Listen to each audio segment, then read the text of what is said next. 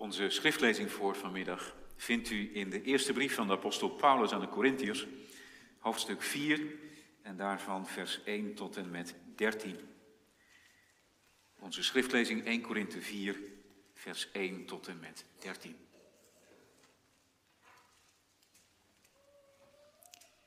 Daar schrijft de apostel, laat ieder mens ons zo beschouwen, namelijk als dienaren van Christus en beheerders van de geheimenissen van God.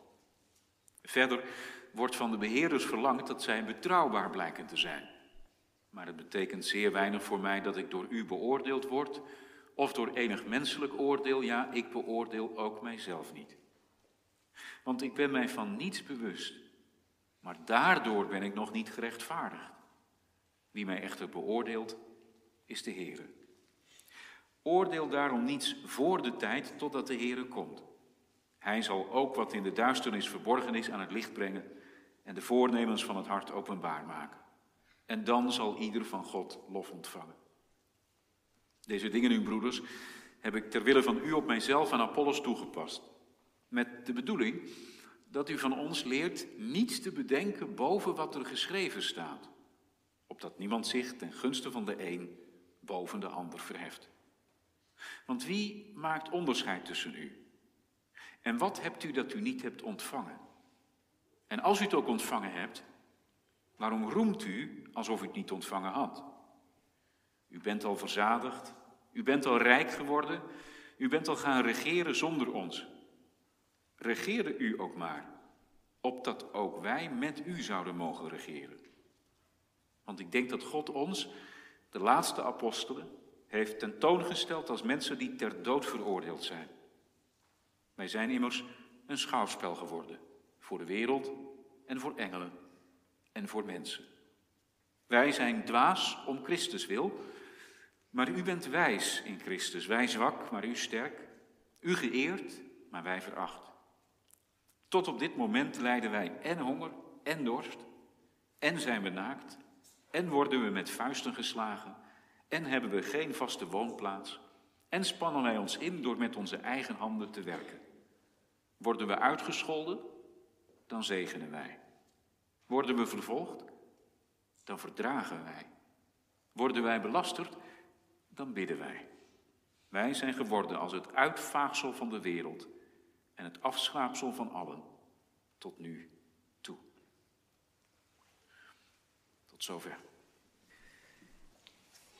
Tekst voor de preek van vanmiddag vindt u in 1 Korinthe 4 en dan vers 7. Wie maakt onderscheid tussen u en wat hebt u dat u niet hebt ontvangen? En als u het ook ontvangen hebt, waarom roemt u alsof u het niet ontvangen had? Straks na de preek zingen wij Psalm 56, de versen 5 en 6. Psalm 56, 5 en 6 na de prediking. Gemeente, als ik u vanmiddag vraag of u wel wilt ontvangen, dan bent u natuurlijk verstandig. En dan zegt u, het hangt er vanaf wat. Een, een loonsverhoging of een bonus, ja, die wil ik wel ontvangen.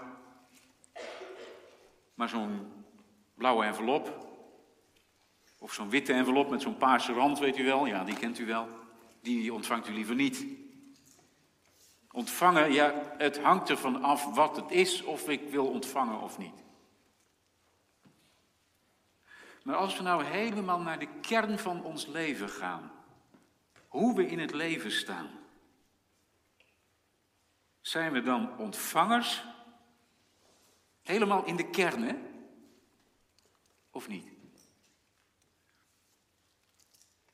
Sinds de zondeval zijn wij mensen geworden die graag zelf aan ons leven vormgeven.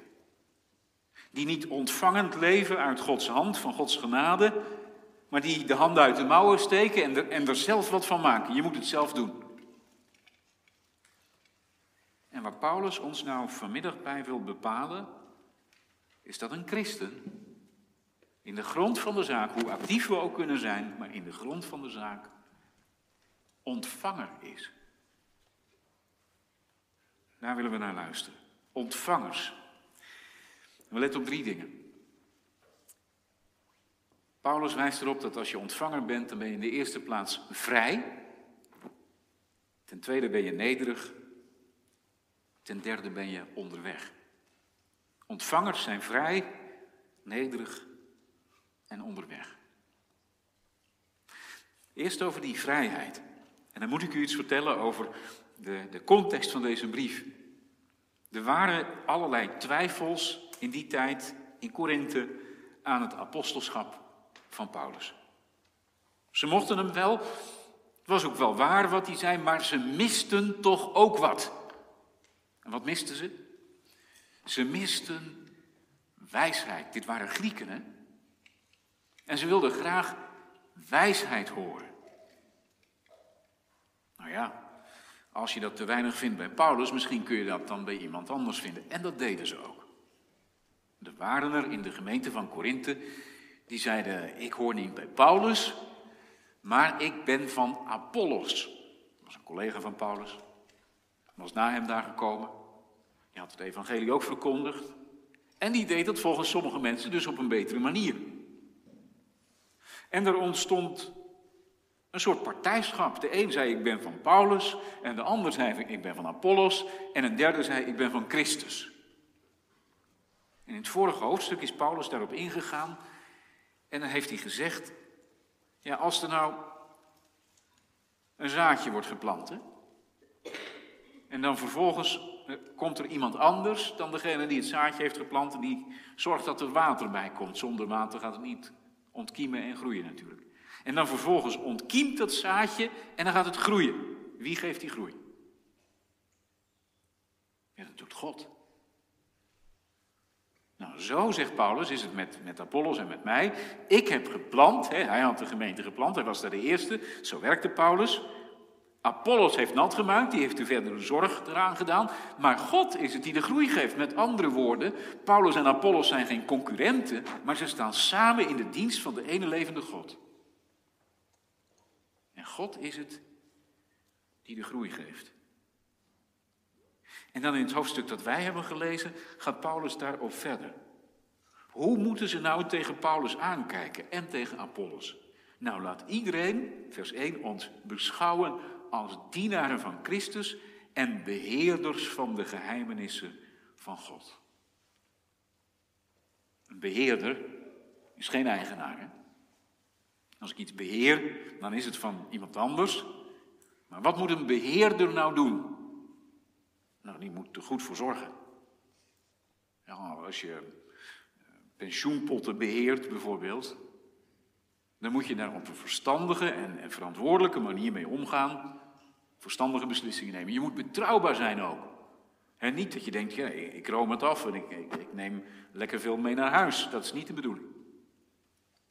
En Paulus zegt, ik ben eigenlijk zo'n soort beheerder. Dus ik ben verantwoording schuldig aan degene die mij die opdracht gegeven heeft. Maar ik doe dit niet op eigen titel. Ik doe dit niet als eigenaar. Ik moet betrouwbaar zijn. En dat zegt Paulus dus tegen de achtergrond van die mensen die zeggen: We willen wat meer wijsheid, Paulus, en, en mocht wel een beetje flitsender zijn. Je krijgt de indruk dat, Paulus, die maakte dan wel indruk door zijn brieven, doet hij nog steeds. Maar ja, als je hem dan zag, en zeker als je hem dan hoorde preken, dan zeiden de mensen: Nou, het, het is niet veel. Je kunt eigenlijk beter een brief van hem hebben dan, dan een preek van hem horen. Paulus zegt: Hoor eens, daar gaat het helemaal niet om. Het gaat erom dat je betrouwbaar bent. En hier komt Paulus bij eh, het punt van oordelen. Hij zegt in vers 3: Het maakt me eigenlijk niet zo heel veel uit dat ik door jullie beoordeeld word. En trouwens ook het oordeel van geen enkel mens geeft mij wat. Dat kan een beetje zelfingenomen klinken of zelfs arrogant. Maar zo bedoelt Paulus dat helemaal niet. En dat is het ook niet.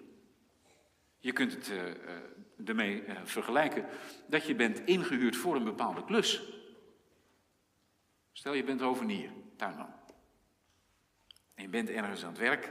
En je bent die hele tuin aan het herinrichten. En dan komt de buurman voor je opdrachtgever, die komt erbij staan. En die zegt, ik zou het zo niet doen. Ik zou het echt anders doen. Hoe reageer je dan? Dan zeg je, nou, ik wil graag een keer bij u langskomen. En dan bespreken we hoe u uw tuin wilt hebben en, en de klant is koning, u zegt het maar. En dan gaan we dat realiseren. Maar ik ben nu ingehuurd door uw buurman. En ja, u kunt er dus wel een opinie over hebben, maar u gaat er niet over, want uw buurman heeft me ingehuurd, die betaalt me. Dat is de opdrachtgever. Nou, zo zegt Paulus tegen de Corinthiërs, jullie hebben mij niet ingehuurd. God is de opdrachtgever. En je kunt wel wat vinden van hoe ik te werk ga, maar uiteindelijk geeft dat de doorslag niet. Het oordeel dat is in de hand van God. Paulus voegt eraan toe, en daaruit blijkt wel dat het geen vorm van arrogantie is, dat hij ook zichzelf niet beoordeelt. Ja, natuurlijk hebben wij mensen, wij mensen hebben altijd oordelen over anderen en over onszelf. Als je iemand anders ziet in, in een split second, heb je een oordeel over hoe die andere eruit ziet en hoe die zich gedraagt. Je hoort iemand, vind je ook wat van. Dat kun je niet uitschakelen. En van jezelf vind je ook wat. Sommige mensen hebben het buitengewoon met zichzelf getroffen. En andere mensen vinden zichzelf niet veel. Paulus zegt, ik beoordeel mijzelf ook niet. Dat wil zeggen, dat oordeel van mijzelf over mijzelf, dat doet er eigenlijk ook helemaal niet toe. Nee, Gods oordeel doet er toe. Vers 4, wie mij echter, ik denk dat je nog beter kunt vertalen, wie mij echter oordeelt is de Heer. Want de Heer beoordeelt niet alleen, maar hij oordeelt ook het definitieve oordeel. Dat is even een verschuiving van focus. Hè? Het gaat om wat God van ons zegt. Dat geldt voor Paulus, maar dat geldt voor ons toch net zo goed. We willen natuurlijk allemaal aardig gevonden worden. En populair willen we zijn. We zien graag dat mensen het goed vinden wat we doen. Ja, toch? Dat is normaal menselijk gedrag. Maar, maar, maar de keerzijde daarvan is dat we ook de invloed van anderen voelen. Van ja, hoor als je bij deze groep wilt horen, dan moet je je toch eigenlijk wel een beetje zo en zo gedragen. Ja? En doe je dat niet, hmm, dan vinden we daar wat van. En soms is dat uitgesproken, en soms is dat niet uitgesproken, maar, maar je weet precies, je, je weet als je naar school gaat en je draagt die kleren, ja, hm, dat is het niet helemaal. En je weet als ik naar die vergadering ga en ik, ik ga dat zeggen, nou, dan maak ik me niet populair mee. En soms doe je het dan toch, hè? Soms doe je het toch. Maar je voelt het, je, je weet het. Er is altijd een oordeel van anderen over je. En dat heeft een invloed. En ons oordeel over anderen, dat heeft ook weer een, een invloed. Zo beïnvloeden wij elkaar. Groot of klein, we zijn allemaal influencers. En nou zegt Paulus, het enige oordeel dat er echt toe doet, is het oordeel van God. En dat is zo geweldig bevrijdend. Want al die oordelen die wij mensen over elkaar hebben, die kunnen een enorme last gaan vormen. En misschien nog wel het meest, het oordeel dat je over jezelf hebt. Dat je denkt, ik, ik doe het niet goed en ik schiet tekort. En ik ben niet, niet aardig genoeg voor de mensen, of ik ben niet scherpzinnig genoeg, of schiet aan alle kanten tekort. Ons eigen oordeel doet er niet toe. Waarom is dat nou goed nieuws? Nou, wat is nou het evangelie dat Paulus heeft verkondigd? Dat is het evangelie van de Heer Jezus Christus, die in het oordeel van God is geweest. Hij heeft het aan de Corinthiërs geschreven. Ik, ik heb me voorgenomen niks te weten onder jullie dan Jezus Christus de gekruisigde. Die is in het oordeel van God geweest. Hij is gekruisigd. En daardoor, daarin, is er redding voor zondaren. Mensen die in Gods oordeel moesten worden afgekeurd, moesten worden veroordeeld. Want je houdt de wet niet zoals je moest doen. En je, je schiet tekort, je bent een zondaar. Wij moesten worden veroordeeld. Om Christus wil vrijgesproken. Dat je in het oordeel van God komt, zondaar die je bent. En dat de Heere zegt, en ik spreek jou vrij om Christus wil.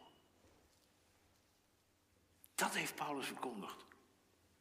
Dat evangelie. En dan zegt hij hier, daar leef ik zelf ook van.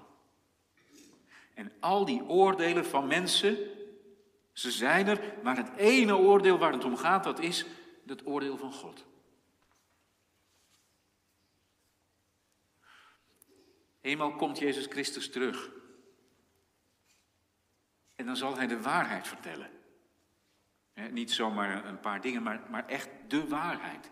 Dan gaat hij u en jou en mij vertellen hoe het met ons zit. Hij zegt het en dat is het dan ook.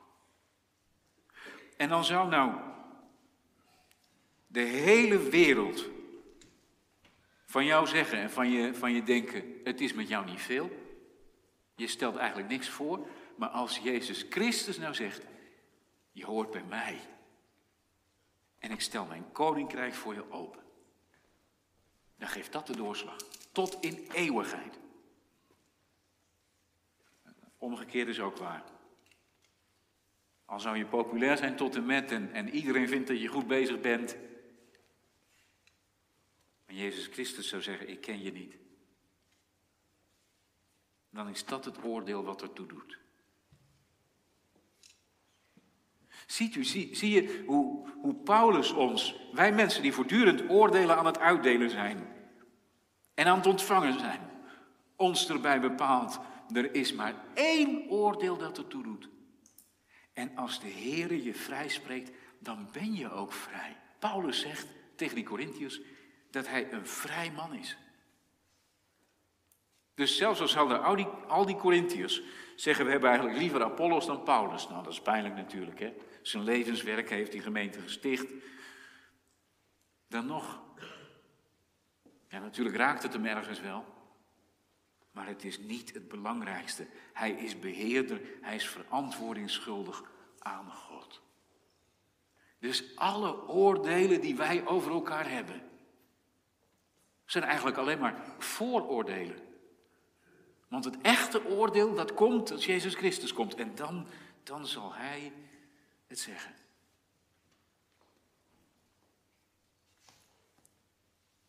Leven wij ook zo?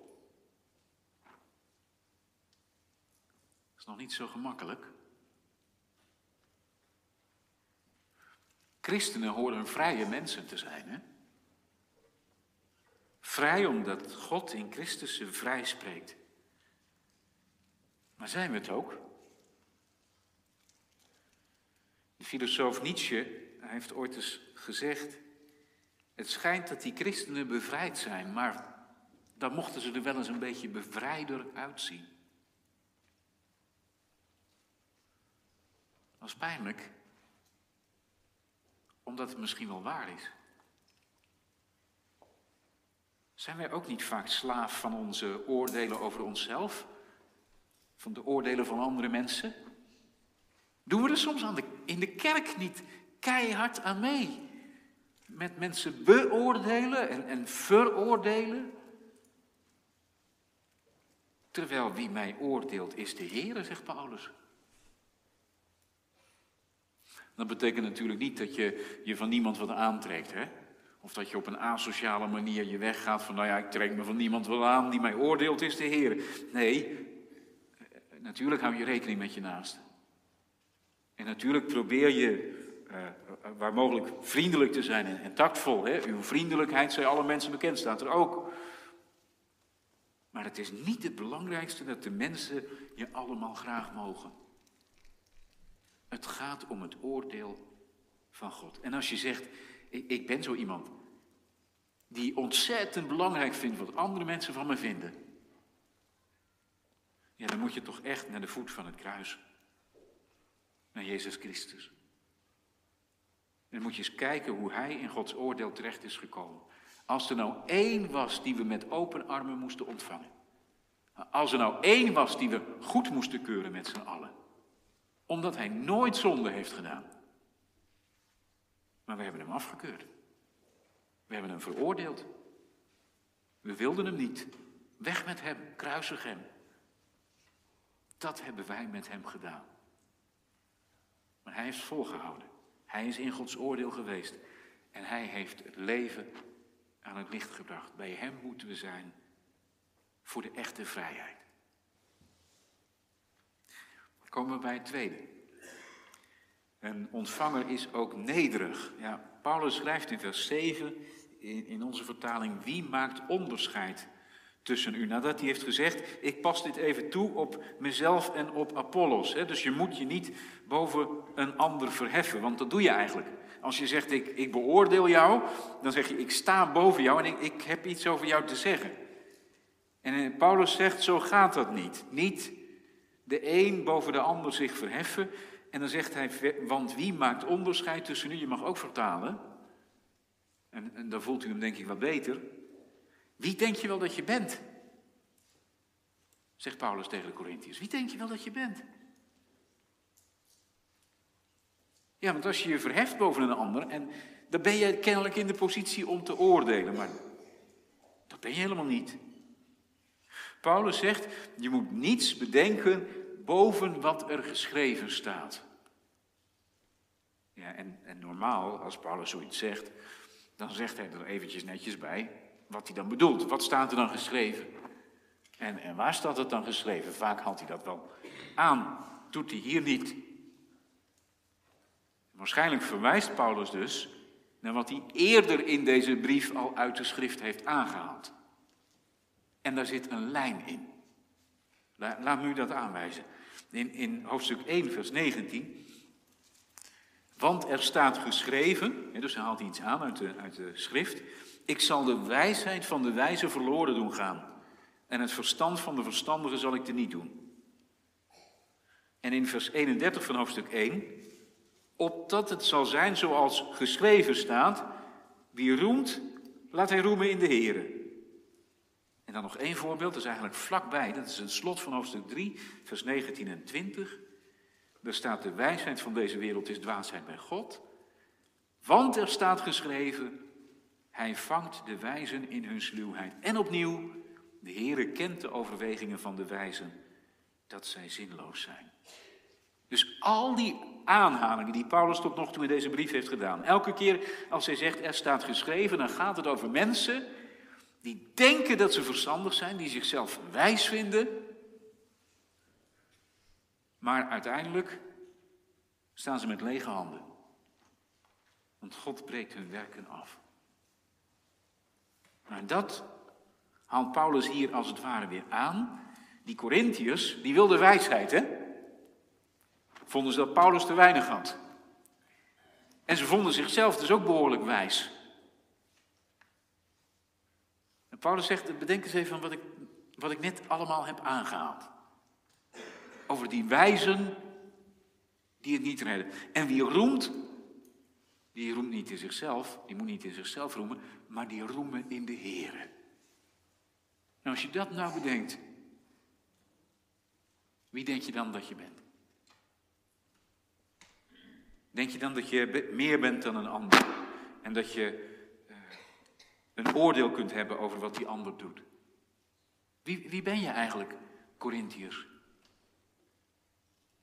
Ja, wie zijn ze? En wie zijn wij? Nou, als het erom gaat wie of wat mensen zijn, dan zit er een bepaalde gelaagdheid in vaak. Paulus speelt erop in vers 8. Hij zegt, u bent al verzadigd, u bent al rijk geworden, u bent al gaan regeren. Kijk, wat willen mensen? Mensen willen eten. dat is punt 1. Als je niet te eten hebt, dan kom je aan weinig anders toe. Maar als je nou te eten hebt en je hebt genoeg gehad, je bent verzadigd, wat willen mensen dan? Ja, dan willen ze rijk worden. Waarom? Als je rijk bent, dan kun je alles doen wat je wil. Ja? Geld kun je omzetten in van alles en nog wat. In huizen, in vakanties, in alles wat je wil. Ja? Dus eerst verzadigd en dan rijk worden. En als je nou rijk bent, je kunt alles doen wat je wil. Wat, wat willen mensen dan nog meer? Nou, dan willen ze macht, dan willen ze regeren. Want met rijkdom kun je zelf doen wat je wil. En als je macht hebt, kun je een ander laten doen wat jij wil. En die Corinthiërs, Paulus spot een beetje met ze hoor. Hij zegt, uh, jullie hebben dat voor elkaar hè. Jullie zijn verzadigd, jullie zijn al rijk geworden en jullie zijn al gaan regeren. Nou, regeren jullie maar. Dan deden wij met je mee. Paulus wijst aan dat die Corinthiërs eigenlijk net zo bezig zijn als de mensen in de wereld om hen heen. En in de wereld om ons heen. Want het is nog steeds zo. Mensen willen eten, willen rijkdom, willen macht. Paulus wijst dat aan om de Corinthiërs bij iets anders te brengen. Ze denken wel dat ze het voor elkaar hebben met hun rijkdom en met hun macht. Maar wie denk je wel dat je bent? Wat heb je dat je niet hebt ontvangen? Ja, dat is een retorische vraag. Het antwoord is natuurlijk niks. Oftewel, ze hebben alles ontvangen. Dus als ze een bepaalde macht of, of invloed hebben, ontvangen. Als ze middelen hebben en ze hebben een bepaalde mate van welvaart bereikt, rijkdom ontvangen. En zelfs ook het eten op tafel ontvangen.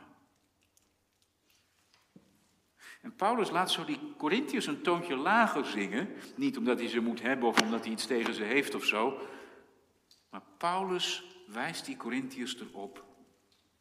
Je leeft van genade. Alles wat je hebt, dat heeft God je aangereikt. Ontvangen. Zou een goede oefening zijn. Om nou de rest van de dag, een week is wat lang, maar de rest van de dag laten we daar eens beginnen. Bij alles wat we tegenkomen, we denken, ontvangen. Je man, je vrouw, naast wie je in de kerk zit. Ontvangen. Je kinderen. Ontvangen. Je gezondheid. Ontvangen. Als je straks naar huis gaat, in huis, ontvangen. Morgen je werk. Ontvangen. Alles ontvangen. En als je er zo naar kijkt, dan is het allerbelangrijkste natuurlijk waar Paulus het net over had. Die genade van God. Want al zou je alle andere dingen hebben, maar je beseft niet dat het van God komt, dat je het ontvangen hebt. Dan zou je een heleboel dingen hebben, maar in de grond van de zaak, in de kern van je bestaan, geen ontvanger zijn, geen mens zijn die van genade leeft, dan mis je nog alles. Dan komt er een andere toon in je leven. Dat is waar Paulus de Corinthiërs wil brengen. De toon van Gods genade. En, en, en hoe snel zitten wij, ook, ook wij in de kerk, niet op het spoor van dat we toch wel tevreden zijn met wat we hebben, wat we kunnen, wat we voor elkaar krijgen, wat we zijn. Dan is het goed om, ja, ik zei een toontje lager te zingen. Je kunt net zo goed zeggen een toontje hoger. Een toontje lager wat onszelf betreft. Maar hoger als het gaat om Gods lof. Hij heeft het ons allemaal geschonken. Ja, dat zijn niet alleen maar mooie en goede dingen, hè? Er zijn ook allerlei zorgen in je leven natuurlijk. En dan kun je zo dat rijtje weer afgaan. Van je huwelijk en van je gezin en van de kerk en van je werk en nou noem het allemaal maar op. zorgen. Maar ook dan, juist, juist dan, ontvangen. Stel je nou voor dat je elkaar in een huwelijk niet van de Heer had ontvangen. Hoe moest het dan verder? Of dat je met je kinderen om moest gaan zonder het besef dat je ze van de Heer hebt ontvangen. Of dat je verder moet in je levenstijd zonder dit van de Heere ontvangen. Als je dat niet hebt, ja, dan. De klok tikt door hè, en je levenstijd raakt op. En uiteindelijk is de koek op en dat was het dan. En als je dan eenmaal op de helft bent of over de helft, ja, dan moet je je toch behoorlijk zenuwachtig gaan maken. Trouwens, als je jong bent ook, hè, want je, je, je moet in één keer de goede keus maken, want ja, anders dan, dan is het allemaal mislukt en dat is allemaal jouw schuld. En... Maar als je nou dit kent, deze toonzetting van je leven, de toonzetting van de genade, dan word je nederig en dankbaar tegelijk.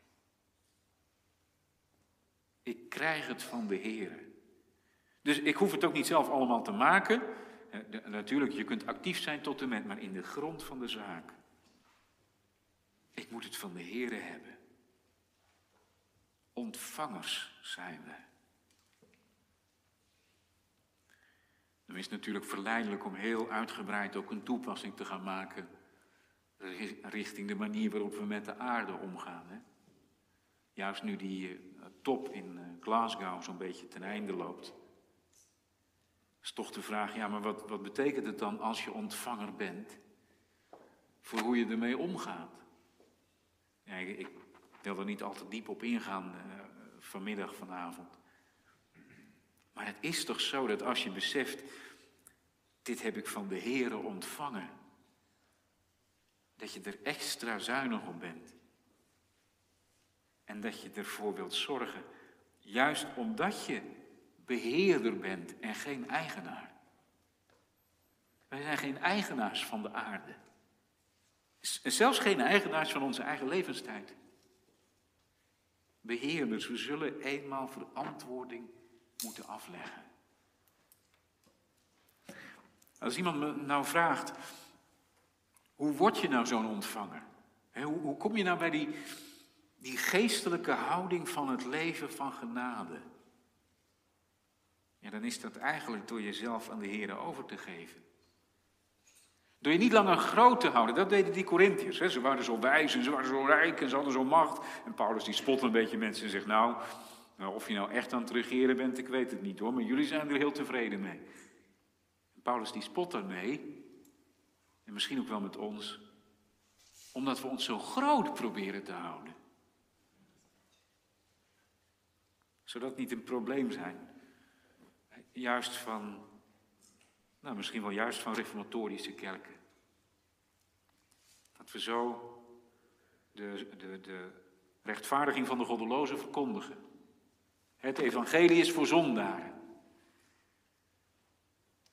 Maar ja, we willen natuurlijk voor elkaar niet onderdoen. En we willen toch zeker niet als een zondaar voor de dag komen, hè? Nee, we zijn toch wel hele nette mensen. Maar we zijn niet zulke nette mensen. Nee, we zijn echt zondaren. Het zit van binnen, soms komt het nog naar buiten ook. Dus laten we ons maar niks verbeelden. Wie denken we eigenlijk dat we zijn? Nou, zeg het maar tegenover de Heer. Heer, ik ben niet meer dan een zondaar. En ik moet het van genade hebben. Maar ik heb gehoord dat u die ook schenkt. Het evangelie dat Paulus verkondigt. Het evangelie van Gods vrije genade. Zo word je een ontvanger, niet door iets te doen, maar juist door niets te doen. En je lege handen naar de Heer uit te strekken. Nou, dan nog dat derde. Ontvangers zijn vrij, ze zijn nederig, maar ze zijn ook mensen onderweg. Onderweg namelijk naar het grote oordeel van God dat komt. Eh, Paulus weet daarvan. Paulus schetst namelijk tegenover die Corinthiërs die het zo voor elkaar hebben, even zijn eigen situatie. Hij zegt, wij, de laatste apostelen, zijn tentoongesteld door God als mensen die ter dood veroordeeld zijn. Een schouwspel voor de wereld, voor engelen en voor mensen. Wat Paulus daar zegt, kan twee dingen betekenen. Die, die mensen die tentoongesteld zijn. Dat kan betekenen dat hij is als een gladiator. Dat waren vaak overwonnenen. En in plaats van dat ze gedood werden, gingen ze dan de arena in. En zo'n gladiator, nou die was in principe ter dood veroordeeld. Maar zolang die het won, het vechten, ja, dan bleef hij in leven. Maar elke keer dus was het een strijd op leven en dood. Overleefde hij het? Nou, dan kreeg hij te eten en dan bleef hij in leven, maar hij bleef wel gevangen. Of je overleed. Paulus zegt, zo ben ik eigenlijk. Of, de andere optie, dat is wat er gebeurde met gevangen genomen soldaten, vaak officieren. Die werden dan meegenomen en dan werd er een triomftocht gehouden. Een triomftocht door de stad, de overwinnaars op de wagens en dan de overwonnenen erachteraan in ketenen. Kijk, deze mensen hebben we overwonnen. En dat eindigde met een bloedbad. Met de executie van die overwonnenen. Paulus zegt, zo staan wij ervoor. Nou, dat is niet zo mooi. Is dat het? Jawel. Dat heeft God gedaan met die apostelen. En dan denk je, wat raar. Wat raar. Want als God toch wil dat het evangelie zijn loop heeft, dan, dan zorgt hij er toch voor dat zijn dienaren maximaal succesvol zijn. En dat de hele wereld tegen ze opkijkt en denkt, ja maar zo moet je zijn, die, die Paulus. Maar zegt Paulus, zo werkt het niet. En waarom werkt het zo niet? Omdat hij het evangelie van de gekruisigde verkondigt. En bij een gekruisigde Heer hoort een gekruisigde apostel. Die Corinthiërs die dachten, nou hebben we iets met het christelijk geloof te pakken. En dan, dan hebben we een mooie lifestyle en dan hebben we wat te vertellen uh, bij bijeenkomsten. Dan hebben we wat interessants. Uh, nog een beetje meer wijsheid alsjeblieft, Paulus. Want dat vinden we zo interessant, wij Grieken. En Paulus zegt, je krijgt geen wijsheid. Helemaal niet, je krijgt dwaasheid. Je krijgt iets waar de mensen de schouders over ophalen. Want dat past bij de gekruisigde. En hij zegt, kijk maar naar mij. Jullie zeggen, het is niet veel met die apostel Paulus. Nou, ik zou je zeggen, ik ben als een ter dood veroordeelde. En dat heeft God gedaan. Waarom? Omdat zijn zoon was als een ter dood veroordeelde. Dan gaat hij zich vergelijken met die Corinthiërs en hij zegt, wij zijn dwaas om Christus wil. Maar jullie zijn zo wijs, wij zijn zwak, maar jullie sterk.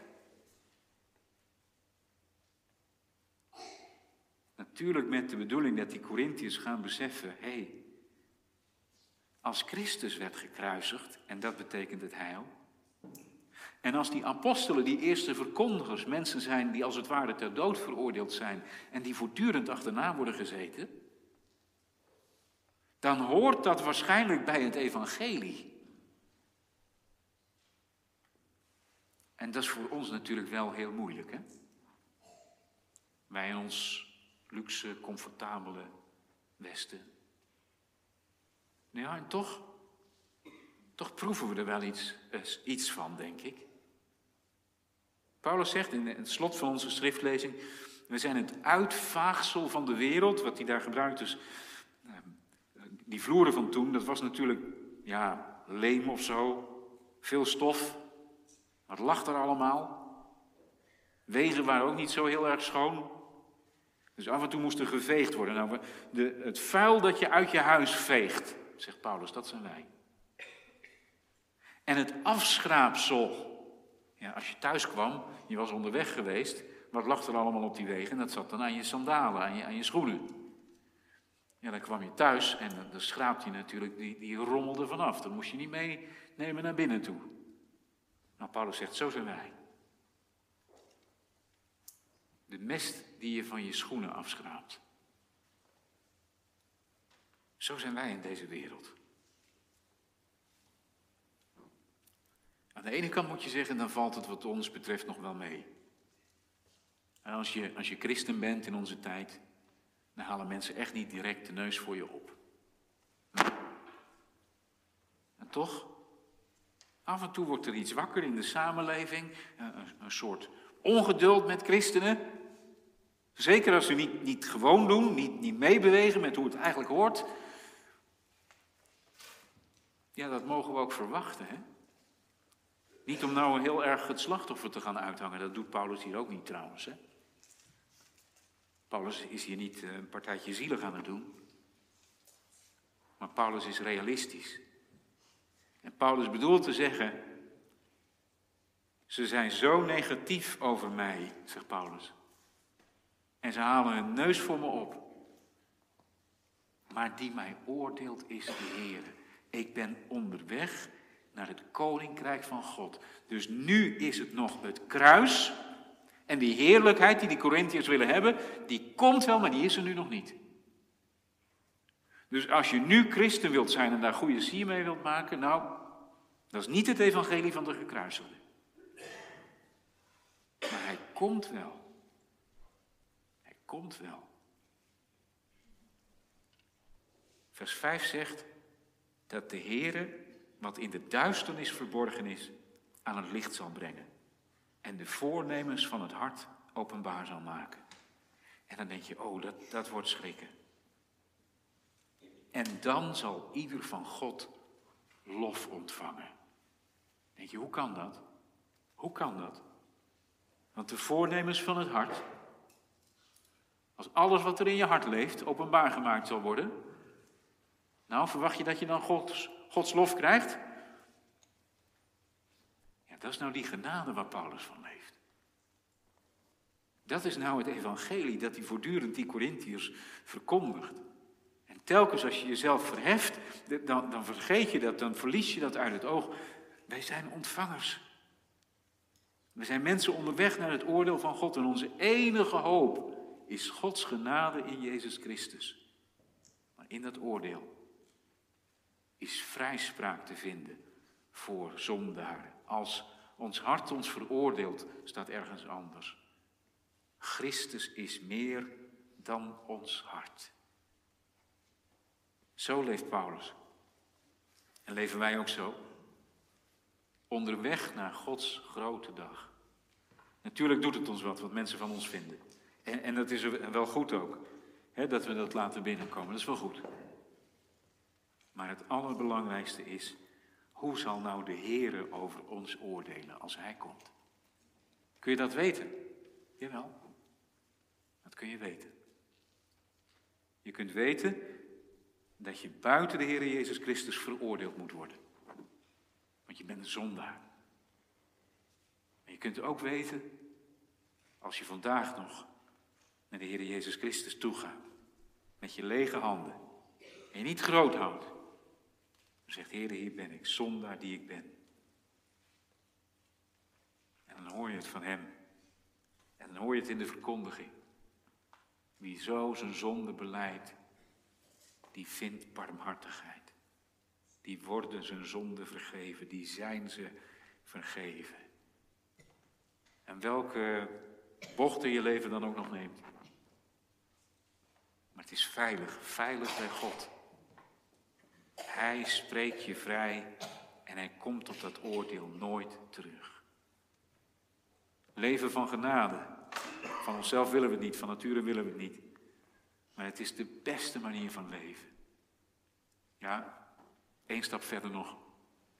Het is de enige manier van echt leven. Laten we zijn ontvangers. Onderweg naar die grote dag van God. Waar het openbaar zal worden. En al vindt de wereld je dan uitvaagsel en afschraapsel. Maar als God zegt, je bent mijn geliefde kind, ga in, in de vreugde van je Heer. Dan zal dat het zijn. Amen.